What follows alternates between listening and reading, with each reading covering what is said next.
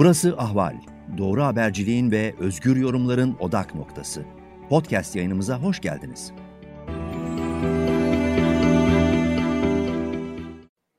Ahval Moskova'dan programıyla herkese merhaba. Rusya uzmanı Doktor Kerim Asla birlikte son sıcak gelişmeleri değerlendirmeye devam ediyoruz. Hoş geldiniz Kerim Bey. Hoş bulduk. Merhabalar. İyi akşamlar herkese. Şeyle başlayacağız. Bu hafta, önümüzdeki haftanın diyelim artık ama şimdiden konuşulmaya başlandı.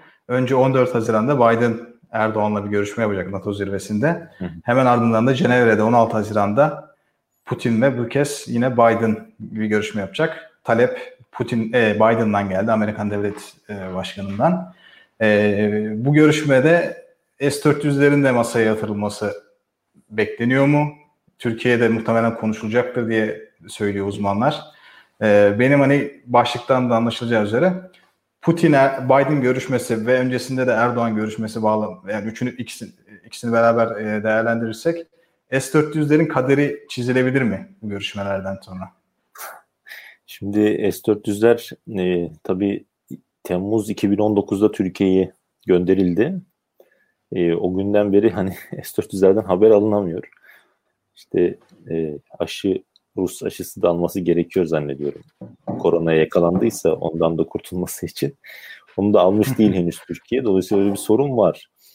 Şimdi e, bu Putin-Biden görüşmesinde zannımca hani Türkiye böyle konuşulursa da hani üzerinden geç şey olarak geçirir. çok detaylı olacağını zannetmiyorum. Daha ziyade e, yani e, böyle e, orada nabzın yoklanacağını düşünüyorum açıkçası. E, hususi olarak S-400'ler üzerinde durulur mu emin değilim. Ancak Biden-Putin görüşmesi sert bir şekilde geçerse yani e, taraflar birbirlerine pozisyonlarını açıklayamazlarsa yani gerilim artarsa öyle söyleyelim e, Amerika ve Rusya arasında ilerleyen dönemde o zaman bence bu S-400'lerle alakalı Türkiye üzerinde de baskı iki taraftan da artar. E, yani e, Erdoğan bence e, oturup kalkıp bence S-400'ler konusunda özellikle Biden ile Putin'in e, bir şekilde bu görüşmelerinin e, olumlu bir şekilde hani e, sonuçlanmasını e, istemeli. En azından o konuda bence dediğim gibi e, ummalı yani öyle söyleyeyim. Aksi takdirde herhalde Biden'la Putin görüşmesi hani dediğim gibi negatif bir şekilde sonuçlanırsa ve yani çok ciddi bir çıktısı olacağını zannetmiyorum ama her halükarda dediğim gibi tırmanmayı ikili ilişkilerdeki gerilimin e, tırmanmasının durması bile olumludur. E, o açıdan hani e, eğer öyle bir sonuç çıkarsa en azından bir biraz bir nefes alabilir gibime geliyor. Bunun haricinde tabii e, hani Putin Biden görüşmesinde iki ülkenin üzerinde durduğu biraz daha geniş e, spektrumda birçok konular var. Bunların en başında hani az çok uzlaşabilecekleri, az çok belli noktaya kadar hani birbirlerine yönelik adım atabilecekleri hususların başında stratejik istikrar geliyor güven, uluslararası güvenlik bağlamında. Burada da sadece nükleer silahlar, işte onların başlıkları falan azaltılması, sınırlandırılması değil. Aynı zamanda bu e, saldırı silahları, artık bunlar sınıf sınıf, e, bunları e, savunma sanayi uzmanları daha iyi bilirler. Ancak benim anladığım kadarıyla yani onların zaten Amerika ile Sovyetlerden gelen o dönemden gelen Rusya ile arasındaki ilişkiler bağlamında o başka bir konu olarak biliyorsunuz görüşülür edilir. En son e, Start 3 anlaşmasını uzatma kararı ver, almışlardı 5 yıllığına geçtiğimiz Şubat ayında. E, stratejik silahların sınırlandırmasıyla alakalı bir husus idi o. Trump e, INF anlaşmasından örneğin çıkmıştı. O ciddi bir sorun oluşturmuştu. Acaba Start 3 anlaşması da suya mı düşecek denmişti. Ancak o kurtarıldı. E, bu anlamda hani e, böyle stratejik silahların da sadece nükleer silahların değil uzun menzilli e, işte orta menzilli füzelerin belli ölçülerde sınırlandırılması ile ilgili e, hususlarda da e, en azından birbirlerine yönelik karşı, karşılıklı adımlar atacaklarını ben düşünüyorum. Herkes de biraz o yönde bir beklentisi var. İşte siber güvenlik konusunda belki hmm, yani bu konuda Putin kendisi de söyledi. E, Amerikan tarafında bir teklifte bulunmuştu e, Rusya. 2019'du zannediyorum Eylül olması lazım. E, Trump tarafı buna çok sıcak bakmamıştı. bu siber güvenlik meselesi noktasında ortak yaklaşımlar belirleyelim, belli prensipler belirleyelim yönünde. E, birbirimizi bu şekilde hani iç işlerine karışma, e, seçimlere müdahil olma gibi biraz da soyut kalan açıkçası e, meselelerde işte yani belli prensipler çerçevesinde bunu çözelim, açıklığa kavuşturalım yönünde bir tavır var. Dolayısıyla belki o konuda biraz bir Rusya tarafının en azından e, yani bir ümidi derken ümidi, ümidi var diyeceğim ama hani ümitten ziyade bu konuda Biden tarafına da teklifimizi vermiştik. Biden'dan gelecek cevabı bekliyoruz diye Lavrov söyledi. Ve orada belki bir olumlu bir şeyler bekliyor olabilirler. Onun haricinde bu diplomatik e, biliyorsunuz büyük elçilikler, diplomatlar karşılıklı gönderildiği bayağı bir o bir süren bir savaş var son 3 yıldır aşağı yukarı. E, bayağı bir hatta e, konsolosluklar vize vermeyi falan durdurdular. Yani bayağı sıkıntılar oluştu. Hatta yine Rusya'nın Amerika'daki e, bir iki yerdeki Maryland bir tanesi, diğeri de başka bir yerde değil zannediyorum. Oradaki e, diplomatik misyonlara da e, el koyulma gibi bir durumlar oldu. Amerikan tarafı kapattı biraz. Biraz yani baskı. Diplomatlar gönderilince de daha bir zaten çok işlemez hale gelmişti. Dolayısıyla o diplomatik e, skandallar konusunda bir e, ortak noktaya varılması gibi bir husus amaçlanıyor. Tabi olabilirse bunlar olumlu olur. E, olmazsa artık o şekilde devam edecek. Yani bir de tabii bölgesel sorunlar dediğimiz işte Ukrayna meselesi en ön plana çıkıyor. Orada ister istemez bu, hani Türkiye... Ukrayna ile alakalı bir şey soracağım. Ee, biraz evet. bu, bu son iki günde gündem oldu. Euro 2020 başlıyor biliyorsunuz. Evet. Ukrayna'nın bir forması bir tartışma konusu oldu. Orada bir logo ve içeride de bir slogan var galiba. Onu bir hani merak edenler olmuştur diye düşünüyorum. Onu bir açar mısınız? Nedir tam olarak Slo- o olay? Slogan e, onu bilmiyorum açıkçası. Slogan da mı vardı orada? Yani herhalde haritada Kırım evet, gösteriliyordu. O, o, o da varmış yani. Ama ha. bir logo ile alakalı değil mi esas şey anladığımız ha. kadarıyla? Yani benim bildiğim kadarıyla o Kırım'da harita olarak gösteriliyor. Haritada Ukrayna'nın haritasında. Zannediyorum orada Ruslar bir şikayette bulundular. O herhalde kabul edilmiş. Hani formayı değiştirmek durumunda kalacak Ukrayna.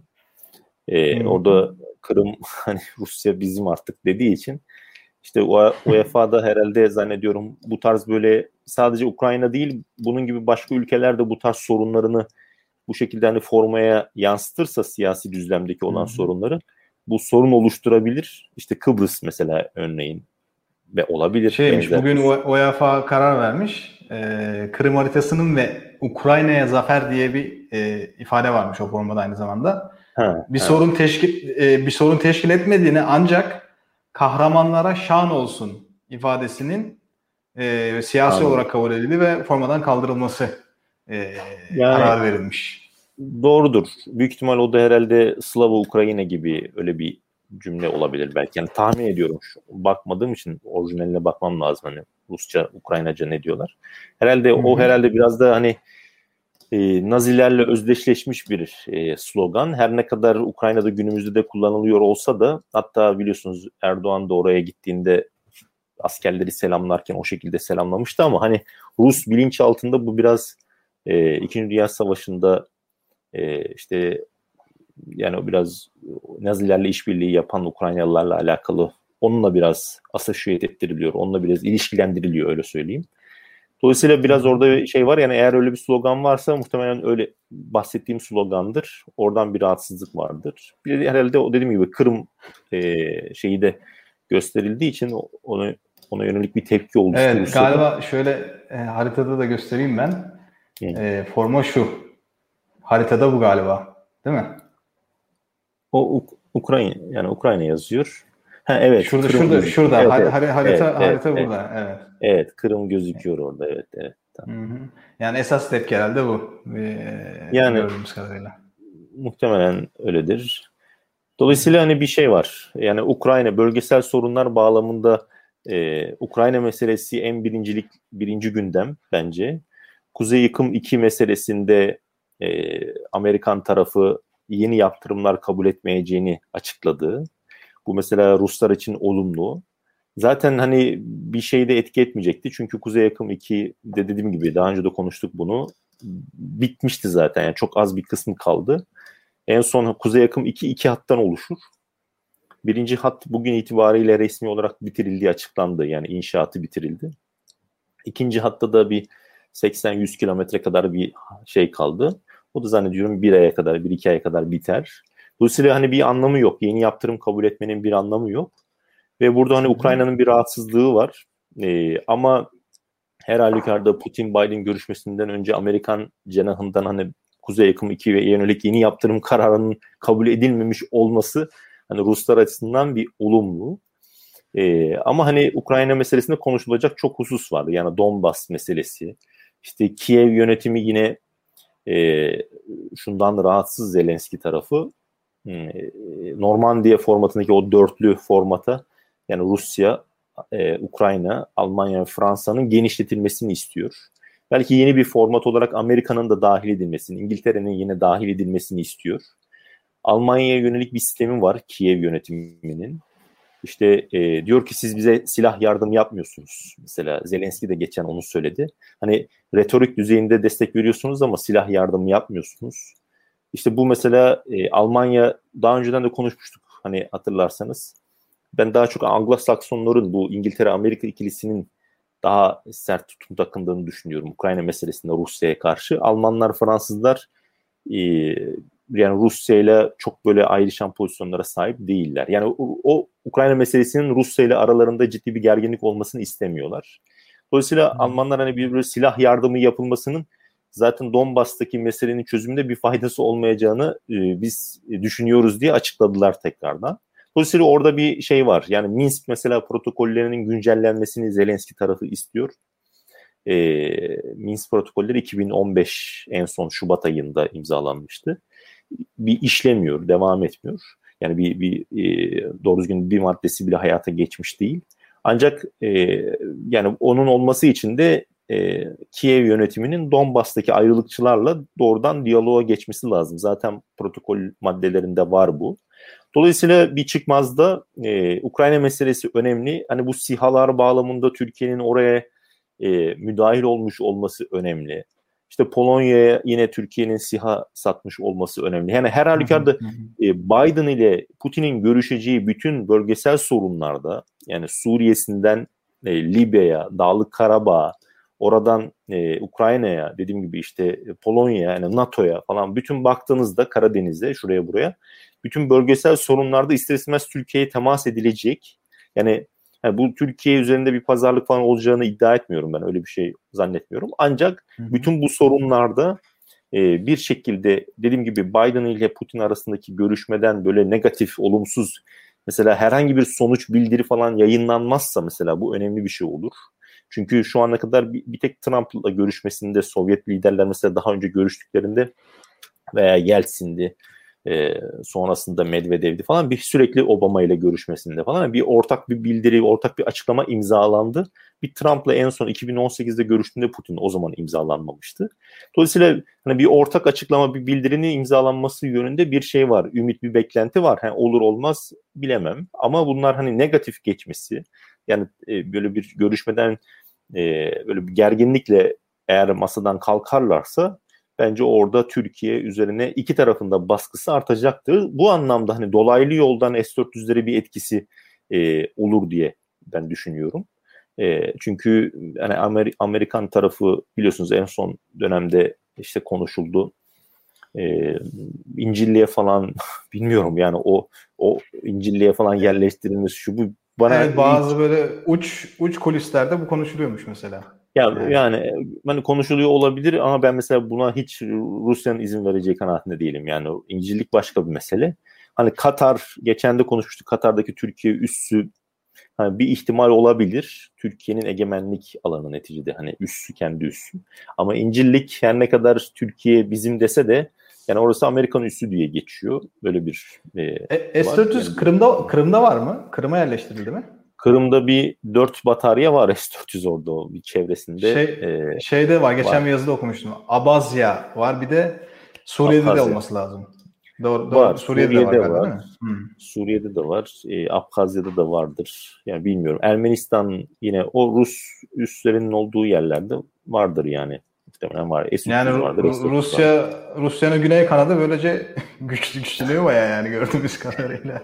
Yani yani, bir şey e, yani. yani e, o anlamda bakarsanız e, Türkiye'nin hani güneyi baktığınızda S-400 İran'da S-300 var.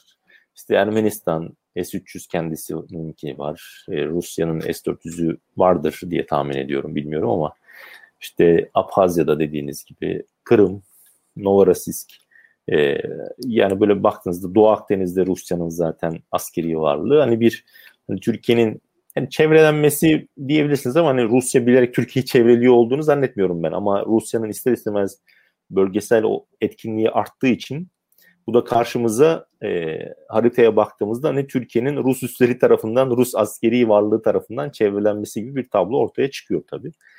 Ama hani bu Rus Bu konuda şeyin bir yorum vardı okumuşsunuzdur belki. Avrupa Birliği'nin eski Türkiye Büyükelçilerinden Mark Pierini vardı. O bir yazı yazmıştı.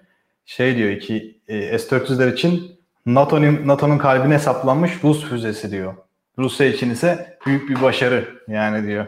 O derece yani Avrupa Birliği ülke AB içinde ve Amerika içinde yani bir kırmızı çizgi hala devam ediyor. Yani öyle kolay kolay da yani geçmeyecek gibi bir şey bu durum yani gördüğümüz kadarıyla. Yani e, hani güzel edebi ifadelerle bunu tanımlayabiliriz neticede şey değil. Hani kimisi evet. ne diyor işte e, Troyan neydi o? E, e, Truva atı. Truva atı. Türkiye hani e, Rusya'nın Truva atıdır. Ama hani ben e, biraz daha şey düşünüyorum. Yani tam öyle değil. Yani ta, tamam bir e, gereksiz yere Türkiye S-400'leri almış oldu. E, yani askeri ihtiyaçtan dolayı değildi zaten. Siyasi gerekçelerle bunu almak durumunda kaldı.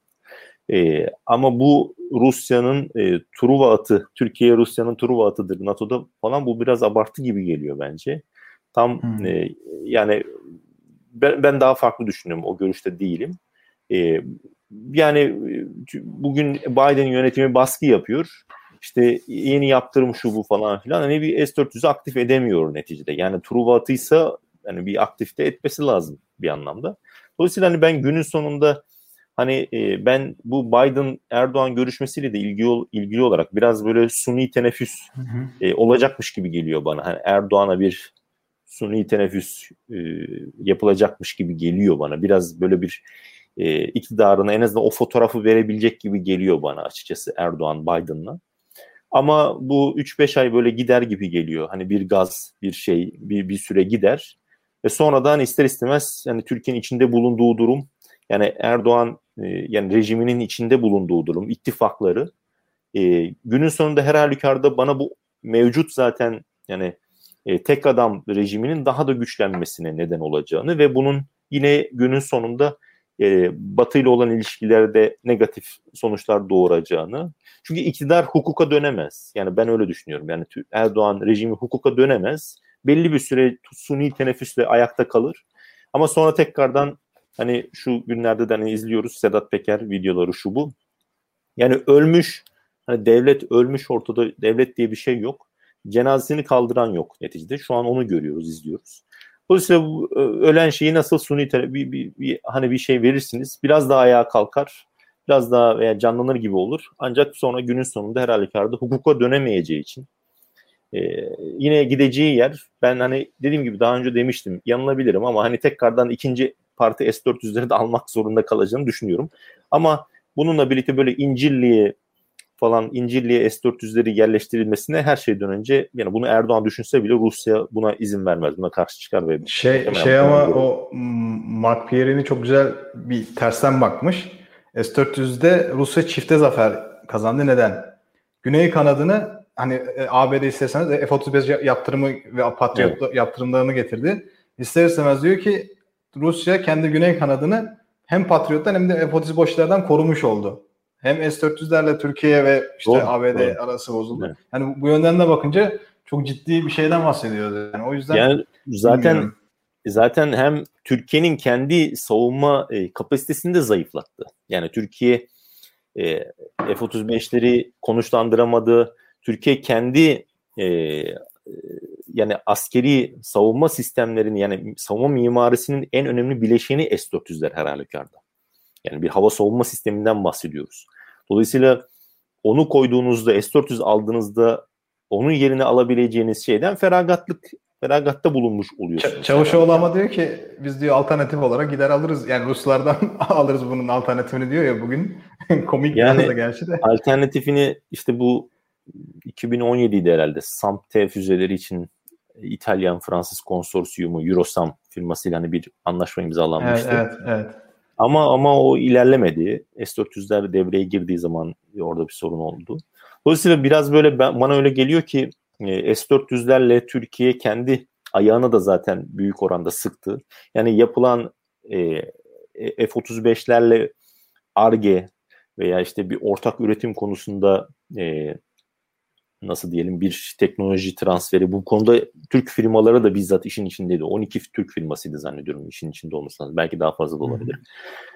E, milyarlarca dolarlık e, bir e, üretim ve e, sipariş portföyü de vardı. Kendisi de zaten bizzat ondan kazanacaktı. 10 milyar dolardan fazla bir e, kazancı söz konusuydu. Ama onun haricinde o zaten teknoloji e, deneyimi e, çok daha bence önemliydi.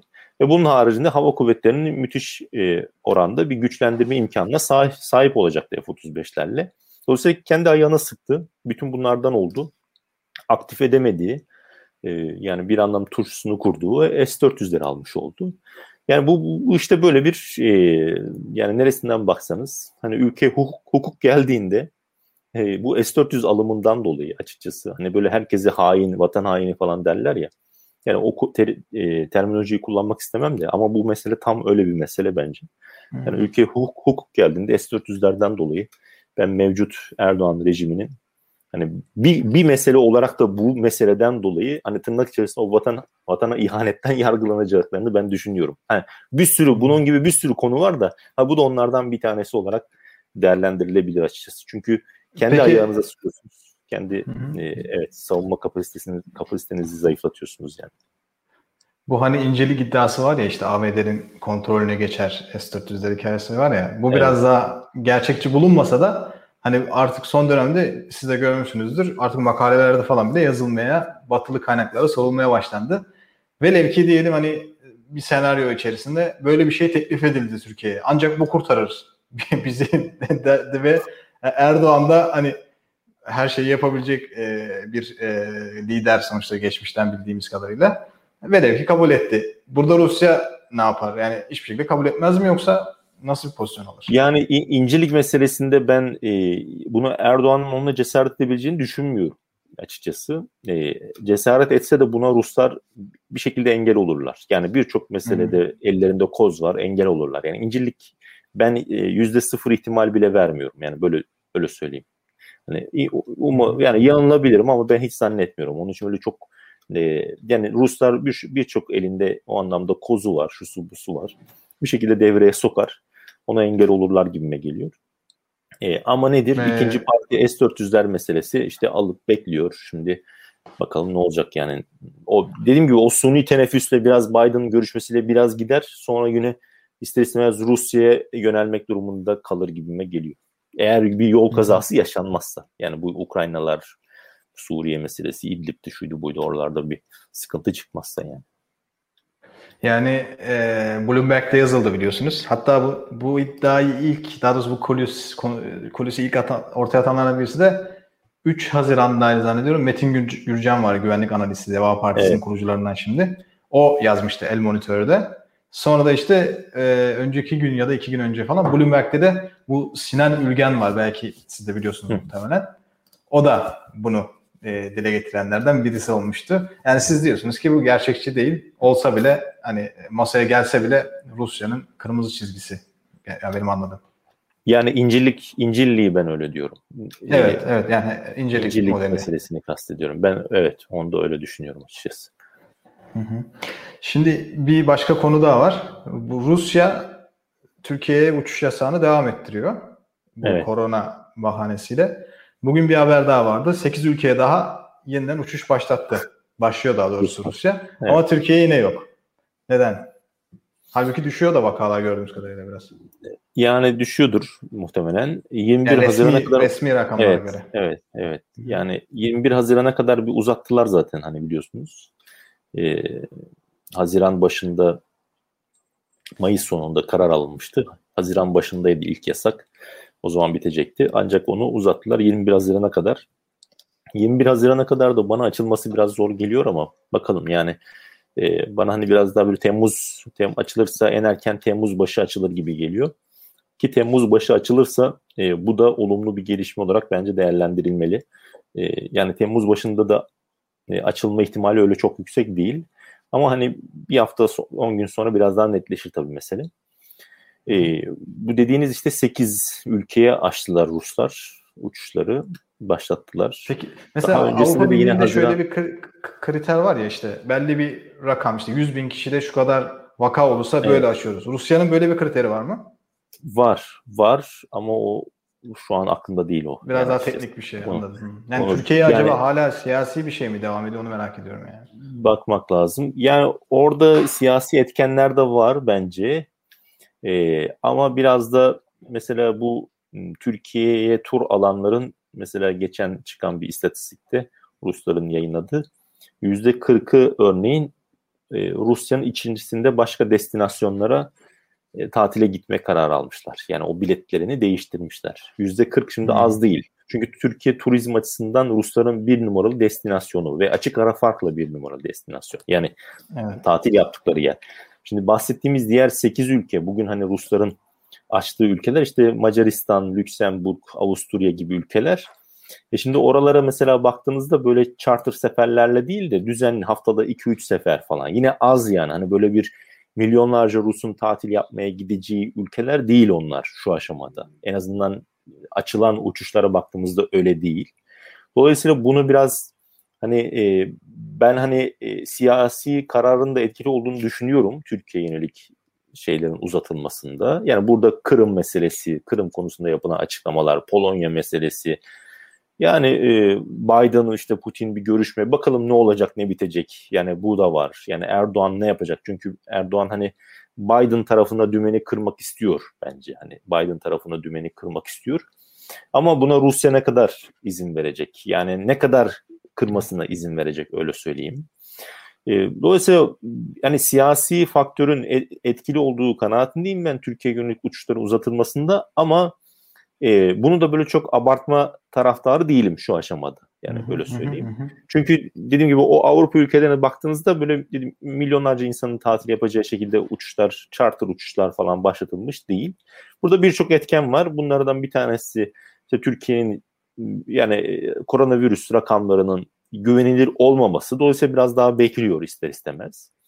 E, Rusya kendi içerisinde o parayı tutmak da istiyor. Kendi Soçi işte e, Kırım oralar tatil yöreleri olarak değerlendirildiği için oralarda tatil yapılması konusunda bir yönlendirmesi var veya Rusya içerisinde diğer bölgelere.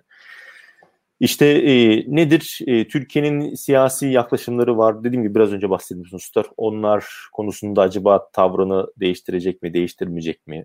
Yani biraz orada Türkiye'ye biraz yani Erdoğan rejimine diyeyim ders vermek de istiyor bence. E, dolayısıyla böyle bir hani pazarlık unsuru olarak bunu kullandığını ben düşünüyorum. E, ama yüzde yüz tamamen de yani Ukrayna'ya Türkiye'nin Ukrayna'daki pozisyondan dolayı devam ettirdiği kanaatinde değilim. Ama ilk yasak konulduğu zaman 15 Nisan'da asıl etkenin siyasi etkenler olduğunu o zaman da söylemiştim. Şu anda aynı şeyi düşünüyorum. Her ne kadar korona vakaları o zaman artmış olsa da. Yani burada şunu şunu vurgulamak lazım. Mesela geçen e, 8'di herhalde 8 Haziran'da örneğin Sedat Önal e, şeye geldi. Moskova'ya geldi. Şimdi e, baktığınızda e, Rus Dışişleri 3-4 defa zannediyorum 3 defa açıklama yaptı ayrı ayrı bu konuda. Sedat Önal bir heyetle gelmiş. Yani Türk Dışişleri Bakan Yardımcısı neticede. Rusya'nın e, baktığınızda dört e, Dışişleri Bakan Yardımcısıyla görüştü yani. Bu çok ilginç bir şey. Zannediyorum ilk defa oluyor bu Türkiye-Rusya ilişkilerinde. Yani Türkiye Dışişleri Bakan Yardımcısı geldiğinde e, Mihail Bogdanov'la görüştü. Bogdanov hem Lavrov'un yardımcısıdır. Lavrov'un zannediyorum 13 olması lazım. 13 yardımcısı var diye hatırlıyorum veya 11 bir bakmak lazım. Yani e, 13 yardımcısının dördüyle görüştü. Mihail Bagdanov işte Suriye'yi, Libya'yı konuştular. E, yani Türkiye ile Rusya arasındaki bu ilişki kompleksine bakma buradan bakabiliriz bunu görebiliriz o anlamda söylüyorum. Yani Bogdanov aynı zamanda Putin'in de e, Orta Doğu ve Kuzey Afrika özel temsilcisidir. Öyle bir yetkisi de vardır, ekstra konumu da vardır. İkincisi e, Sergey Vershinin'le görüştü.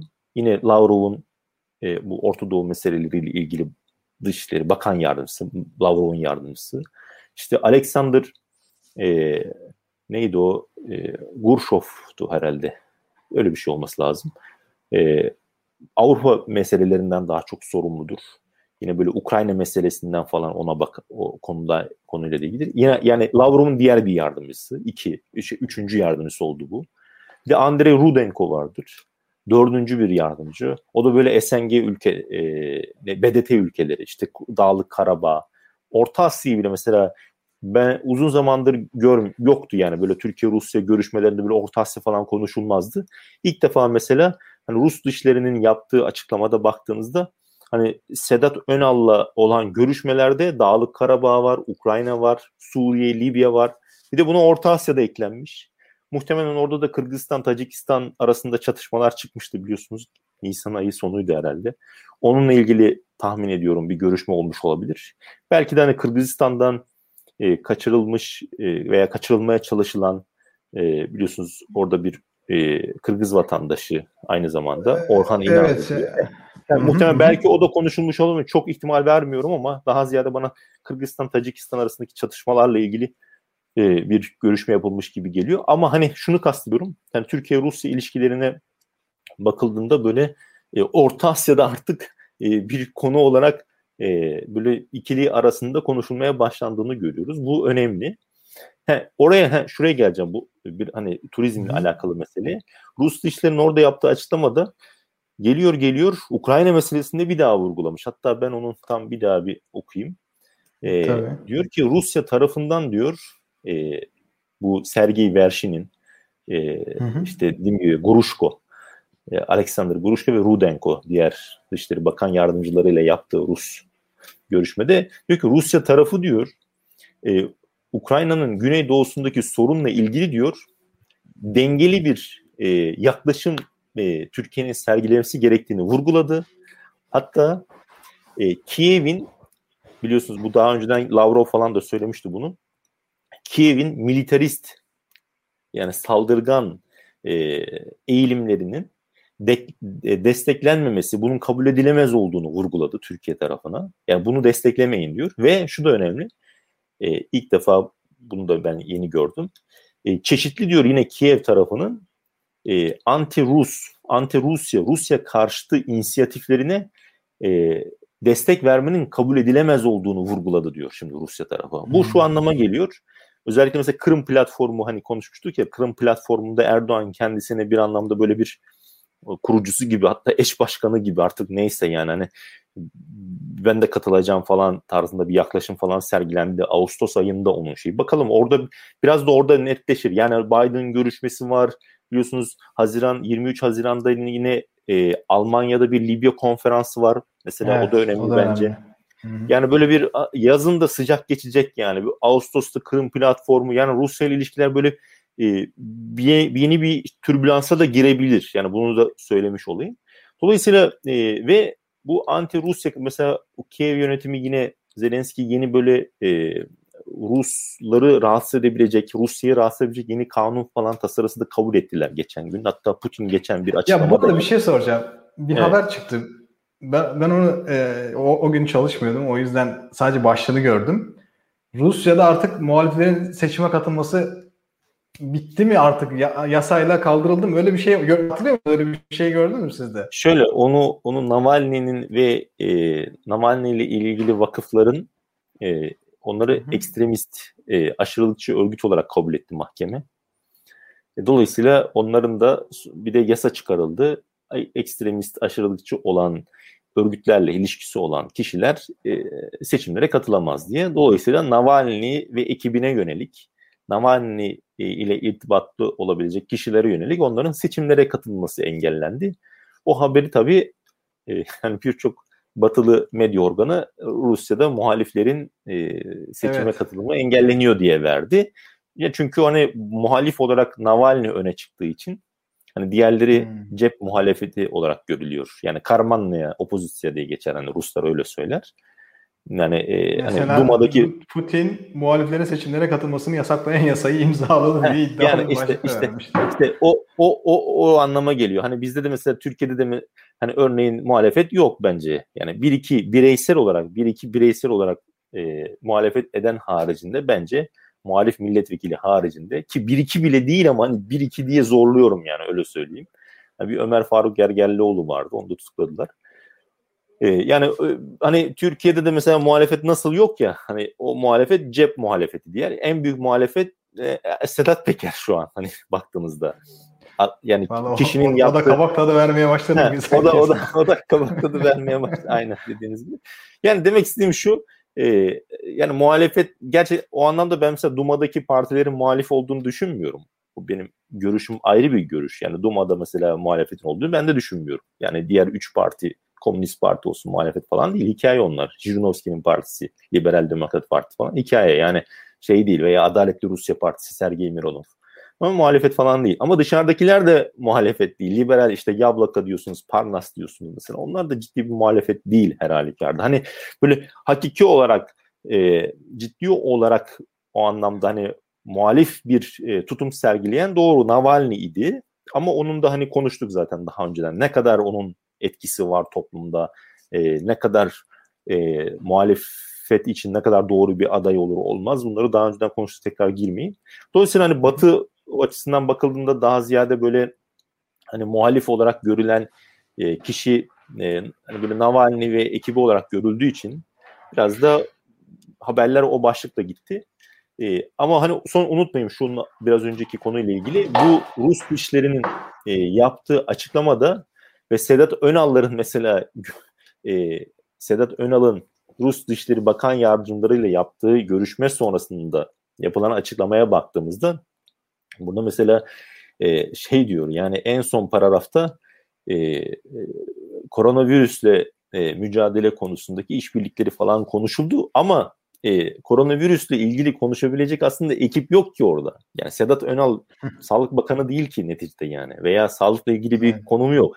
Aynı şekilde Rus Dışişlerin Bakan Yardımcılarının görevi zaten sağlıkla e, bu da şey, şey anlamına gelmiyor mu? Siyasi bir pazarlık var o zaman. Orada yani, do- yani, do- evet, evet. O, o an aynen o anlama geliyor. Bir de zaten son paragraf olarak koymuşlar ve oradaki ifade de şu.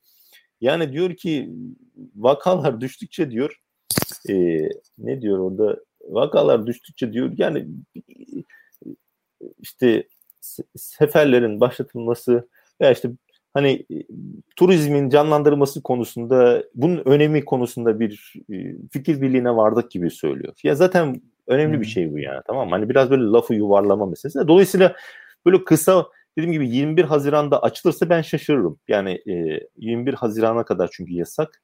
Açılırsa şaşırırım ama Temmuz 1 Temmuz olası gözüküyor.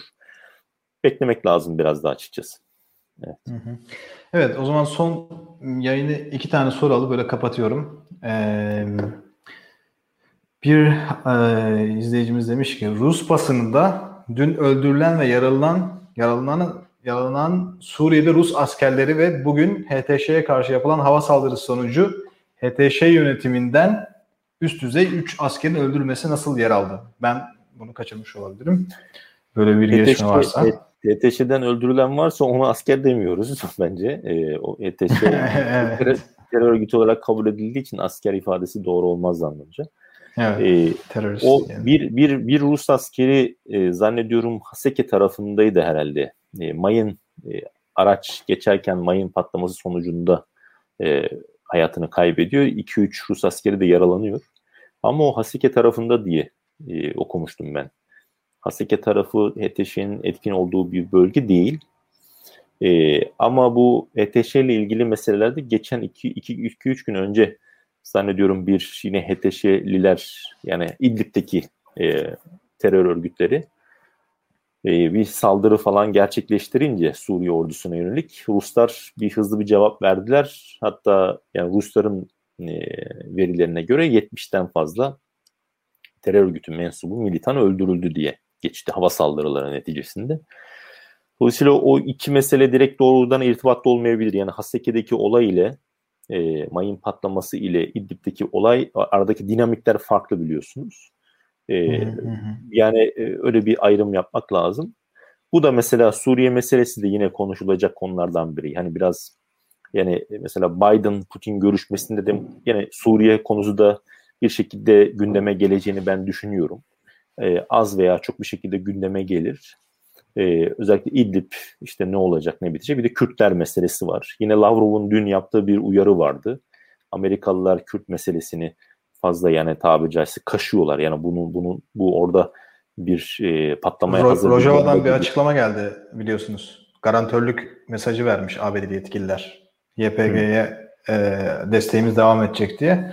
Biraz böyle bir sıkı bir şey var. Diploması yürüyor orada da. Yani e, ne kadar garanti verirler bilemem. Ben açıkçası yani Kürtler e, yani şöyle riskli bir oyun oynanıyor burada açıkçası. Yani riskli bir yani Amerika ne kadar devam ettirir orada o desteği. Yani e, böyle Ruslara güvenin o anlamda öyle bir propaganda yapacak da değilim. Ama bu oyun çok böyle uzun devam edebileceğini de düşünmüyorum ben. Yani onu da söylemiş olayım. Yani böyle iki büyük güç arasında e, onların böyle yani jeopolitik planlarında böyle tırnak içerisinde söyleyeyim e, güzel bir ifade değil ama hani meze olmak gibi bir durum var. Yani kötü bir ifade, güzel bir ifade değil. Daha güzeli aklıma gelmedi. Ancak hani bunu gördük. Hani Afrin'de bunu gördük. Ee, işte Tel Abyad Resul Ayn Barış Pınarı harekatında bunu gördük. Yani bence e, kendileri için yani Kürtler için, Suriye'de Kürtler için iyi olan husus bir an önce e, her halükarda Şam'la e, bu ilişkileri, bu müzakereleri bir somut bir e, çerçeveye büründürmeleri gerekiyor. Yoksa e, daha büyük yani hadiseler yaşanır. Ha, ikinci seçenek şu. E, bu dengeyi bir şekilde bence yani şunu muhtemelen Kürtler düşünüyordur gibime geliyor bana. Hani e, nedir? İşte Rusya ile Amerika arasındaki bu dengeyi bir şekilde götürelim biz götürebildiğimiz kadar. Türkiye'de Erdoğan rejim çöktüğünde zaten Türkiye bölgeden çıkmak zorunda kalacak. Türkiye zayıflamış olacak. Veya belki Türkiye içerisinde e, daha büyük sıkıntılarla baş etmek durumunda kalacak Erdoğan iktidarı. Bu anlamda biz orada da tekrardan yani en Barış Pınarı Harekatı bölgesinde belki Afrin falan hani düşünüyor olabilirler. Hani bir şekilde şey olur. Yani oralarda e, yani oradaki konumumuzu güçlendiririz diye düşünüyor olabilirler bu dengeyi belli bir süre daha götürdüğümüzde. Ama bunun da böyle çok realist bir e, yaklaşım olduğunu ben düşünmüyorum onu söyleyeyim.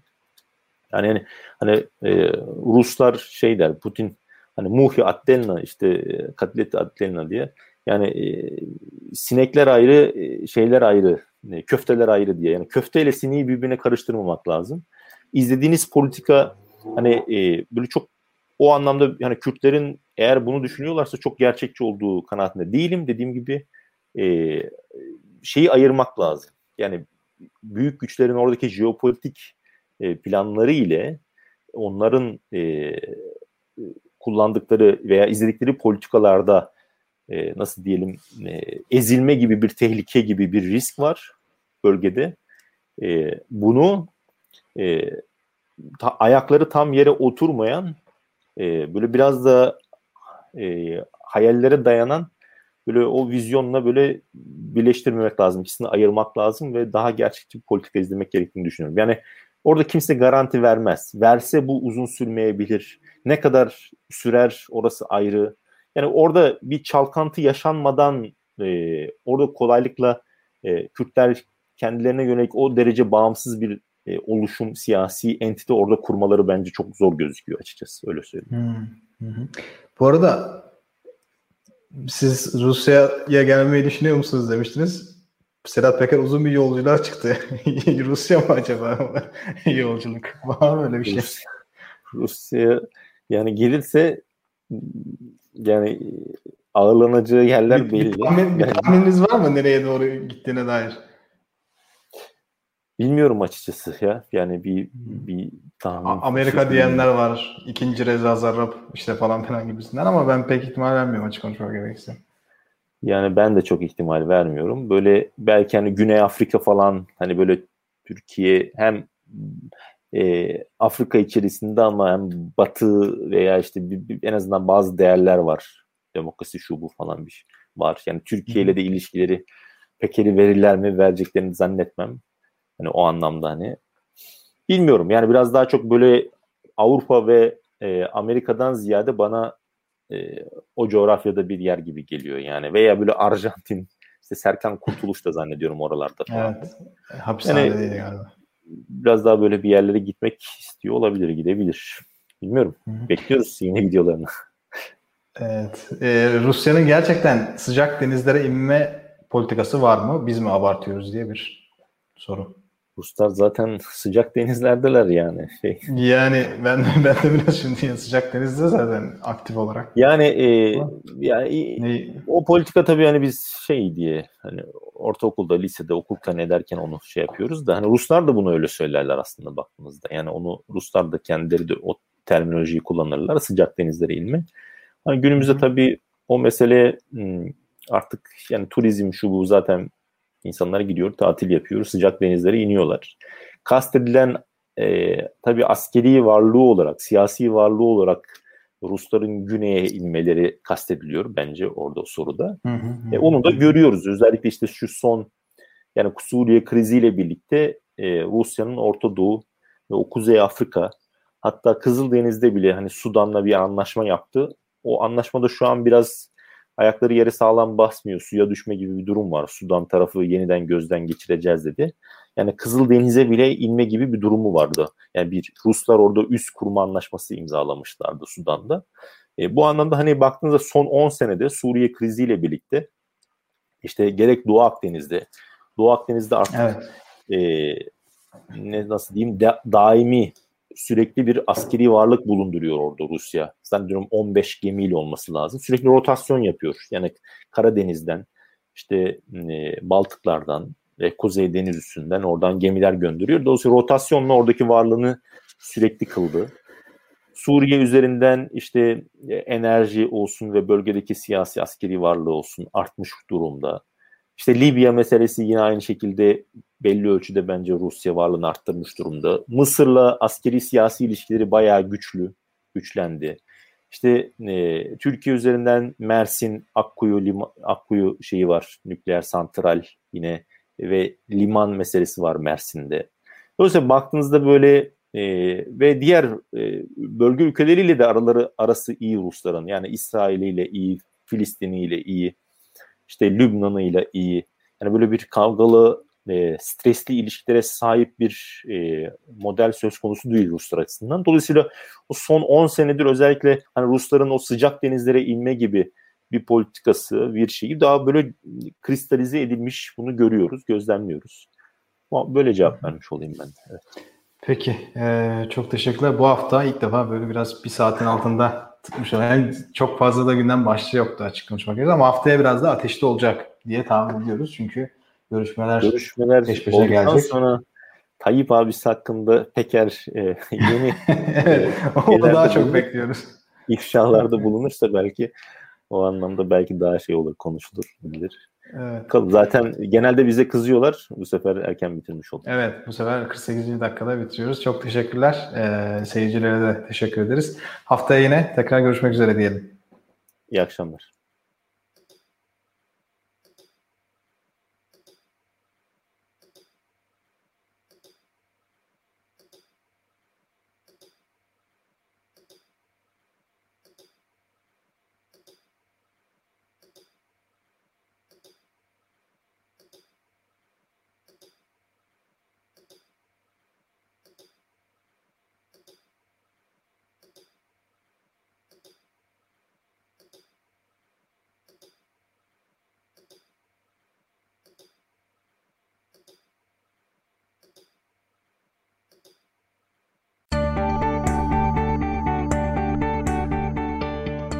Ahval podcastlerini tüm mobil telefonlarda Spotify, SoundCloud ve Spreaker üzerinden dinleyebilirsiniz. Apple iPhone kullanıcıları bize iTunes üzerinden de ulaşabilir. Türkiye'nin ve hayatın cıvıl cıvıl sesleri Ahval Podcast dizisinde. Kulağınız bizde olsun.